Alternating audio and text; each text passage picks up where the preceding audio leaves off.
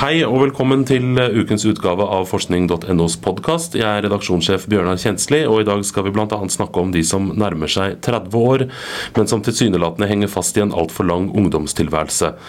De er fortsatt ikke ute i jobb, og de har ikke barn, og de er ikke gift. Vi skal også snakke om en blodprøve som er testet, der forskerne ser etter fire stoffer som kan gi en ganske god indikasjon på risikoen for å dø av sykdom de neste fem årene, selv om du er helt frisk når du tar blodprøven. Men først. Det kan være skummelt å fly når flyet du sitter i begynner å riste kraftig. Blir turbulensen kraftig nok, kan det også være farlig fordi flyet kan miste oppdriften. Flyet faller nok ikke ned, men det kan riste veldig mye. Journalist Ida Kvittingen, hva er egentlig turbulens? Turbulens er små, urolige luftvirvler. Og noen ganger kan man se dem og unngå dem, f.eks. om de oppstår inne i tordenbyger. Men det finnes også usynlig turbulens. Den skapes f.eks. når vindstrømmer brytes opp mot fjell og åser, da kan kald luft legge seg i bunnen av en dal, mens varmere luft trenger ned i dalen ovenfra. Og det kan skape virvler og gi ganske kraftig turbulens.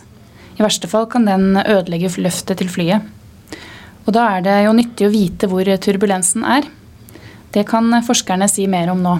Mm, så De prøver å lage turbulensvarsel rett og slett for, eh, for, piloter og flyselskaper. Men hvordan får meteorologene tilgang til eh, data om den turbulensen? Hvordan kan de vite hvor det er turbulens? Nei, Som du sa, så er det forskere, eller nærmere bestemt Meteorologisk institutt, som lager turbulensvarsler for 20 eh, flyplasser i Norge. Slike varsler de krever en eh, mer detaljert modell enn de vanlige værvarslene, fordi den tar hensyn til eh, det lokale terrenget. Og Da trenger forskerne lokale observasjoner for å kvalitetssjekke den modellen de bruker nå. Og Det er her flyene kommer inn. Flyselskapet Norwegian deler nå data fra sine svarte bokser det er der all informasjonen om flyturen lagres, med Meteorologisk institutt. Flygeregistratoren den samler informasjon for bl.a. å kartlegge årsaker til ulykker. Den registrerer loddrette bevegelser åtte ganger i sekundet. Og det er dette som gir detaljerte opplysninger om turbulens under flygningen. Og Dermed kan eh, data fra flyene brukes til å kontrollere modellene som forskerne bruker. Og Det kan gi oss bedre turbulensvarsler, slik at innflygningen til flyplassene blir mindre humpete for oss eh, passasjerer. Tusen takk skal du ha, journalist Ida Kvittingen. Forskere har undersøkt blodprøver fra flere tusen mennesker fra Finland og Estland og kommet fram til fire stoffer som kan fortelle hvor sannsynlig det er om en person kommer til å dø innen fem år. Journalist Marianne Nordahl, hvordan kom forskerne fram til det her? Mm, det de gjorde, var at de eh, tok utgangspunkt i først 10 000 folk fra Estland, nesten. Eh, som de fant i en biobank. Eh, testa blodprøvene deres eh, for 106 stoffer. Eh, det var det de gjorde først.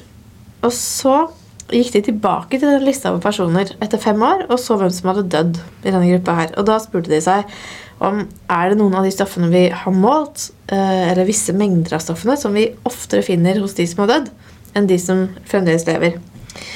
Og da fant de at det var eh, bestemte nivåer av fire bestemte stoffer som kunne si noe ganske tydelig om hvem som skulle dø i løpet av, eller hvem som ja, hadde risiko for å dø i løpet av de fem årene. Uavhengig av hvilken sykdom. Mm. Og det er jo ganske sånn det høres litt guffent ut. At det er mulig å ta en blodprøve som kan forutse dødsrisiko de nærmeste fem årene. Men det forskerne sier at dette her kan jo tyde på at hele systemet i kroppen vår reflekterer at noe ikke er helt som det skal.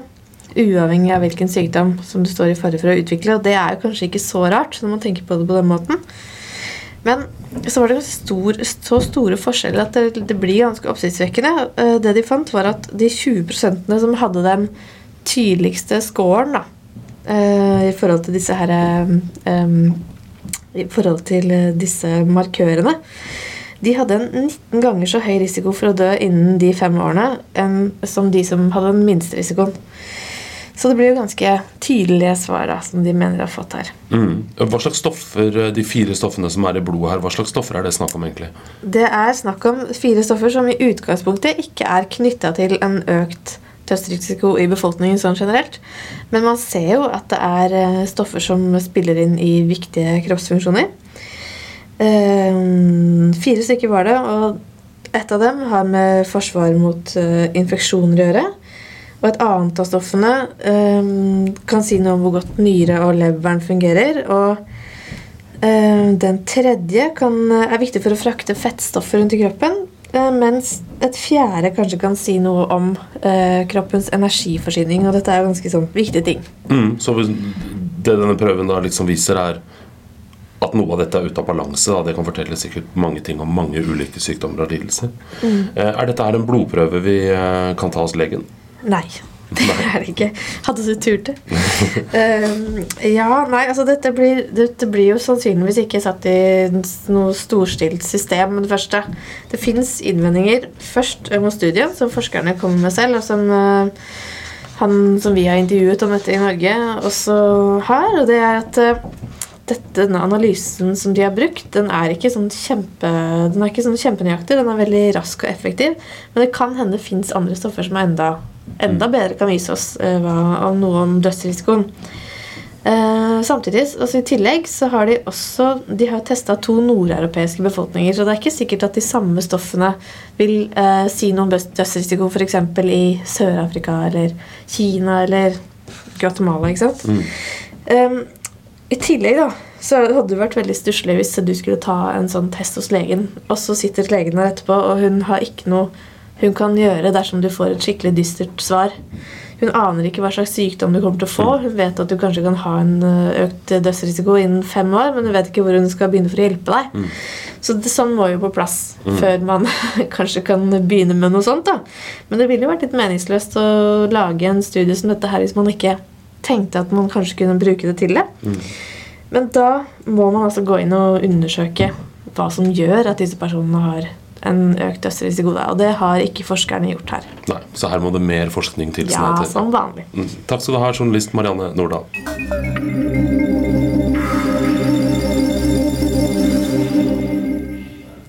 I USA er de kjent som Twixters, i Spania som Miljøristas. Japan har Freeters, Hikikomori og Parasite Singles. De er unge voksne som henger igjen i en slags ungdomstid. Journalist Ingrid Spilde, du har skrevet en sak om de du kaller for Peter Pan-generasjonen. Hvem er de? De er unge voksne som eh, på en måte ikke, ikke kommer helt i gang. Eh, de blir værende igjen i en slags sånn ungdomstilværelse midt mellom ungdom og voksen, hvor eh, de ikke har noen fast jobb med, med, grei betaling. De har kanskje ikke noen ektefelle, ikke barn. Noen av dem bor kanskje fortsatt hjemme. Så det blir liksom en sånn litt sånn snublende start inn i voksentilværelsen. Mm, som holder på ganske lenge? Ja, altså, og dette her er jo ikke, dette her er jo ikke et sånn etablert faktum. Sånn er det bare. Men, eh, men, eh, det er jo som du sier, alle disse begrepene kommer jo fra populærkulturen. Og så er det en forsker som heter Vegard Skirbekk, som, eh, og kollegaene hans, som har sett litt på dette her og, og mener at det er et fenomen. fordi disse her finner du jo, som du sier, i i veldig mange forskjellige land eh, over hele verden, egentlig. Og de forskerne tror at det, det, ikke er noen lokale forklaringer som kan stå bak alt dette her, men at det er en mer, en mer generell tendens uh, over hele verden. Mm. Eh, men unge mennesker har ikke de i dag har de ikke bedre enn noensinne? Altså Hvis vi snakker om eh, den vestlige verden, vi har jo høyere utdanning enn noensinne og tilsynelatende mer muligheter nå enn det vi noen gang har hatt. Hvordan, hvorfor ender man opp i en sånn situasjon nå? Ja, det er det sikkert mange svar på. Men, men, men, men, i hvert fall noe av det som er poenget, er hva du sammenligner med. For selvfølgelig sammenligner vi med hvordan folk hadde det på 1800-tallet, så er det ikke tvil om uh, at vi har det bra i dag. Men uh, det disse forskerne har sett på, er utvikling over tid og sammenligna grupper med hverandre. Bl.a. sett på, på lønninger, eh, hvor de ser at hvis du sammenligner grupper med unge før og si fra 80-tallet og framover til nå, så tjener de mindre og mindre. Mens grupper av eh, eldre arbeidstakere tjener bedre når du sammenligner liksom eh, gamle, altså gamle eller eldre grupper nå med eldre grupper for noen år siden, også litt bakover, bakover sånn til 80-tallet. Så ser du at det er en, utvikling, en positiv utvikling for eh, eldre arbeidstakere, og så er det en negativ utvikling for yngre arbeidstakere. Mm. Sånn at eh, da kommer du på en måte i en situasjon hvor, hvor de yngre får mindre og mindre å rutte med, og kanskje også mindre faste eh, jobbforhold og sånn, som, som eh, gjør at det blir, det blir mye usikkerhet. Mm. Uh, og det er jo selvfølgelig sånn at vi sammenligner med hverandre. sånn at de unge nå ser kanskje på, på, sin foreldregenerasjon, og så ser de at vi, er ikke, vi har ikke kjangs. Vi, mm. vi, er ikke i nærheten av det, den standarden, den levestandarden som vi ser eksempler på blant uh, vår foreldregenerasjon. Og det er også forskning som viser at uh, din følelse av å føle det vel og være fornøyd er mer knytta til hvor mye du har i forhold til andre, enn det er knytta til hvor mye du faktisk har. Selvfølgelig med en del forbehold, men uh, ja, så hvis du, hvis du, føler at du har mye mindre enn meg, så vil du føle det mindre vel nesten uansett om du har mye eller lite. Mm, han Skirbekk som har sett på dette her, har han noen forslag til hva vi skal gjøre for å få unge ut av den situasjonen? Ja, altså han mener jo eh, Nå får jeg bare understreke at det er mange faktorer som er inne her, og det er vanskelig å si hva det er som eh, virkelig er den store, den store syndebukken, eller hva, hva, som forårsaker alt dette her. Mm, mm. Men han mener vel uansett at uh, det er på tide at vi har en uh, ganske brei offentlig diskusjon om unges situasjon, og også om forholdet mellom hva, hva skal unge tjene i forhold til uh, hva eldre arbeidsgrupper skal tjene. Tusen takk skal du ha, journalist Ingrid Spilde.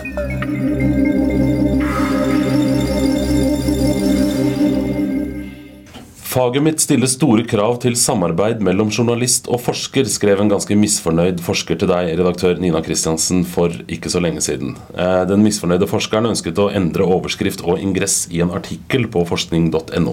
Du har skrevet om forholdet mellom forsker og journalist i en kommentar i Aftenposten. Hva svarte du til den misfornøyde forskeren? Jeg svarte at eh, forskningsjournalistikken ikke er et samarbeid mellom journalist og forsker. Eh, kilde og journalist skal alltid ha et avstand til hverandre. Det skal alltid være et eh, kritisk blikk fra journalistens side. Vi skal ikke samarbeide på den måten at vi lager overskrifter og ingresser i fellesskap. Og jeg, jeg skrev tilbake til forskeren også at eh, tenk om Erna Solberg ville forlangt å bestemme overskrift og vinkel på sakene der hun er intervjua. Det ville jo ingen av oss godtatt. Nei. Den forskeren eh, og jeg ville jo gått i samme demonstrasjonstog mot politikere som var sånn. Du skriver i den samme kommentaren da, at uh, vi forskningsjournalister ofte er i en litt annen posisjon enn andre journalister, og at vi eh, ikke skal samarbeide med forskerne, men at vi kan kanskje være litt mer avhengig av et godt forhold til uh, kildene våre. hva mener du med den unike posisjonen til forskningsjournalistene, egentlig? Ja, Vi skriver om ting vi ikke skjønner. altså Noen ganger så skjønner vi jo godt samfunnsforskning og noe helseforskning og sånne ting, men hvis du skriver om kjernefysikk Eh, så har du kanskje ikke peiling om hva du skriver om. Eh, og, du, og, da blir du helt avhengig av å stole på det forskeren sier. Dette forsker jeg på, sier forskeren. Ja, ja vi skriver ned, ikke sant. Dette, disse resultatene mine er, betyr dette. Ja, ja, ikke sant. Vi, vi, har ingen å sjekke med. Du kan ikke snu deg til kollegaen din og si at vet du hva, forskeren eller kilden min sa dette. Hva tror du? Fordi ingen i redaksjonen kan kjernefysikk heller, da. Mm. Så, så du, har, du, kan ikke liksom støtte deg på kompetansen til andre journalister ofte. Og da får forskeren veldig stor makt. Og så sender vi ofte eh, sitatsjekken og ber også om en faktasjekk. ikke sant? Fordi at de skal også eh, forklare oss eh, Eller hjelpe oss til å skrive teksten eller få faktaene riktig. Mm. Og da er vi jo litt sånn der i, i kloa på dem. Også, fordi hvis de sier at dette er et veldig viktig resultat, og vi ikke sjekker med noen andre, så er det jo da kilden som får lov til å rose seg sjøl og bedømme seg sjøl. Mm, så er fagfeltene ofte veldig små, i hvert fall hvis uh, man skal gjøre noe på norsk forskning. Da. Ja, ikke sant? for det, det er jo et sånt spørsmål jeg får noen ganger. Hvorfor ansetter dere ikke eksperter? Altså forskere som kan ting? Da lurer jeg på hvor mange vi skulle vært her i, mm. på Torshov. Vi er 14 stykker. Vi måtte jo vært flere hundre. Mm. Fordi det er ikke sagt at en kjernefysiker vil kunne noe om eh, botanikk. Mm. Så du måtte jo hatt da massevis av naturvitere og en hel rekke fra de andre fagfeltene også. Mm. Du skriver også at eh, journalister sjøl er, eh, eller kan være, da, den gode forskningsjournalistikkens verste fiender. Hva mener du med det? Ja, ikke sant? Fordi at vi, vi har ofte en tendens da, til å si at forskerne er, er, et problem, og det er jo en overdrivelse. De fleste forskere er jo helt uh, flinke og velvillige og prøver ikke å ta kontroll over artikkelen. Eh, men det, vi har en tendens da, til å si, at det er de som er problemet. Men vi må også rette blikket mot oss sjøl. Og vi? Det er helt naturlig mekanisme at man går gjennom livet og prøver å virke smart. Særlig hvis man er ny i jobben eller møter folk som kan veldig mye mer. Så prøver man å virke smartere. Men det viktigste en forskningsjournalist kan gjøre, det er å ta seg den maska der og, og stille spørsmål. Og aldri godta noe som du ikke sjøl forstår. Eh, hvis, for, for, jeg tenker sånn at Hvis ikke jeg forstår det jeg skriver, da skjønner sikkert ikke leserne mine der ute heller. Så Hvis du skal skrive for et breit publikum, så må du forstå. Og der syndes det veldig mye. Vi er redde for å bli avslørt som kunnskapsløse. Vi er eh, har litt for mye respekt for forskningen, kanskje litt respekt for disse utrolig smarte forskerne vi møter. Så når de da begynner å pepre med faguttrykk, så skriver vi dem ned. Kanskje selv om vi ikke er helt sikre på hva det betyr. Eh, motløsheten kan overta. Vi, her er én dag til å skrive om dette svære feltet, og så ender det opp med dårlige tekster. Mm.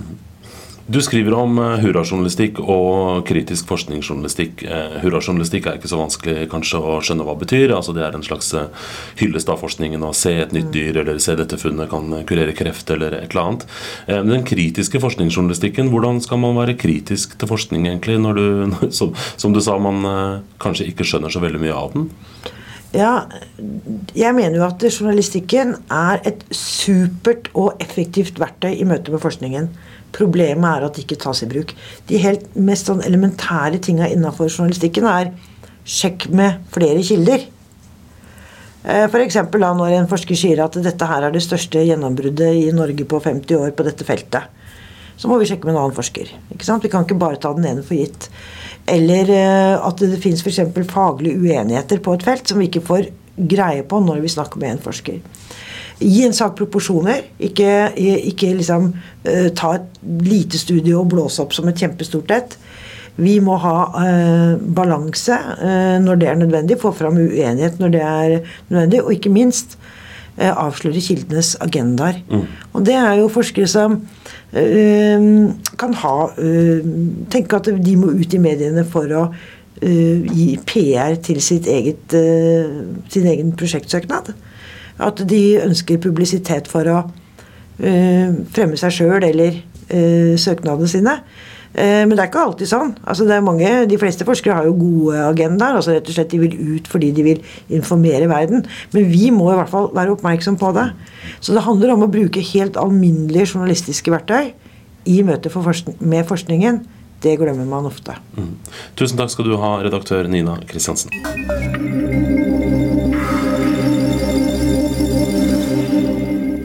Saken om turbulensvarsel og den om blodprøven som kan fortelle deg om risikoen for å dø, og også den om Peter Pan-generasjonen kan du lese på nettsidene våre forskning.no.